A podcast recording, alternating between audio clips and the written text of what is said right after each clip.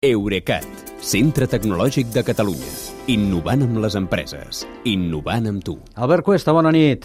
Bona nit, Kilian. La crisi energètica amenaça amb aturar la principal instal·lació científica d'Europa per manca, precisament, d'electricitat? Efectivament. Eh, parlem del gran col·lisionador de drons, que és l'accelerador de partícules més gran del món, eh, més gran i eh, molt car, perquè costa més de 4.000 milions d'euros, Sí. i potser sabeu que està instal·lat en un túnel circular de 27 quilòmetres de llarg prop de Ginebra, a, a cavall entre França i Suïssa. Sí. Doncs el CERN, el Centre Europeu de Recerca Nuclear que el gestiona, s'està preparant per apagar durant els pics de demanda elèctrica els altres set acceleradors més petits del complex per reduir-ne el consum total i no haver d'aturar l'accelerador principal.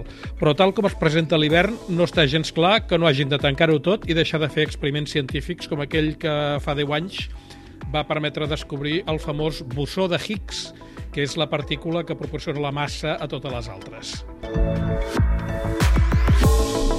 I tot això pot ser que se'n vagi a Norris o s'hagi de parar, vaja, eh, per culpa de la falta d'electricitat amb aquesta crisi que tenim. Perquè quanta electricitat consumeix un accelerador d'aquests, d'aquest tipus? Doncs mira, amb el conjunt dels 8 acceleradors i dos, do- dos desacceleradors de partícules que formen part del CERN necessiten per funcionar gairebé 200 megawatts de potència, que és, el, és un terç del que consumeix tota la ciutat de Ginebra.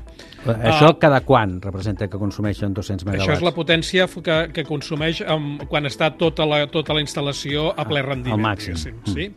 Uh, el director del centre uh, ha explicat al Wall Street Journal que si aturen els set acceleradors més petits estalviarien un 25% del consum. I si aturen també el principal eh, estalviarien un altre 25%, però el problema és que si ho fan, després trigarien setmanes a, a poder tornar a encendre'l perquè cal refredar fins a temperatures baixíssimes els imants superconductors que són els que guien el feix d'electrons. I això endarreria doncs, també setmanes els experiments que s'hi fan. Ho entenem perfectament. Si tu primer et desendolles, eh, diguem-ne, el que després passa és que t'has de refredar per tornar-te a endollar, per tant, és tota una complicació. Però hi ha una cosa que encara ens sembla més, més estranya o més eh, difícil d'assumir. En quin endoll s'endolla això? En quin endoll s'endolla una instal·lació així? Sí, no és com una rentadora, no. En aquest cas, el, el, el CERN està endollat a França, perquè el proveïdor d'electricitat del CERN és EDF, que és la companyia elèctrica estatal francesa eh, i que, de fet, eh, hi té un dels seus clients principals. I coincideix que, malgrat el que digui Macron sobre la, la necessitat del gasoducte MidCat... Que diu que no el necessita. com explicàveu ahir, vull dir Sí. que això de l'energia va bé, resulta que EDF ara mateix va en curta de producció perquè han hagut d'aturar una dotzena dels seus reactors nuclears mentre reparen un problema de corrosió en alguns conductes.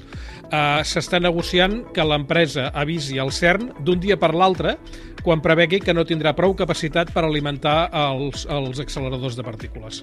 Doncs fins i tot aquí veiem que la crisi es pot acabar notant. Moltes gràcies, Albert. Fins demà. Bona nit, Kilian. Fins demà. Eurecat, centre tecnològic de Catalunya. Innovant amb les empreses. Innovant amb tu.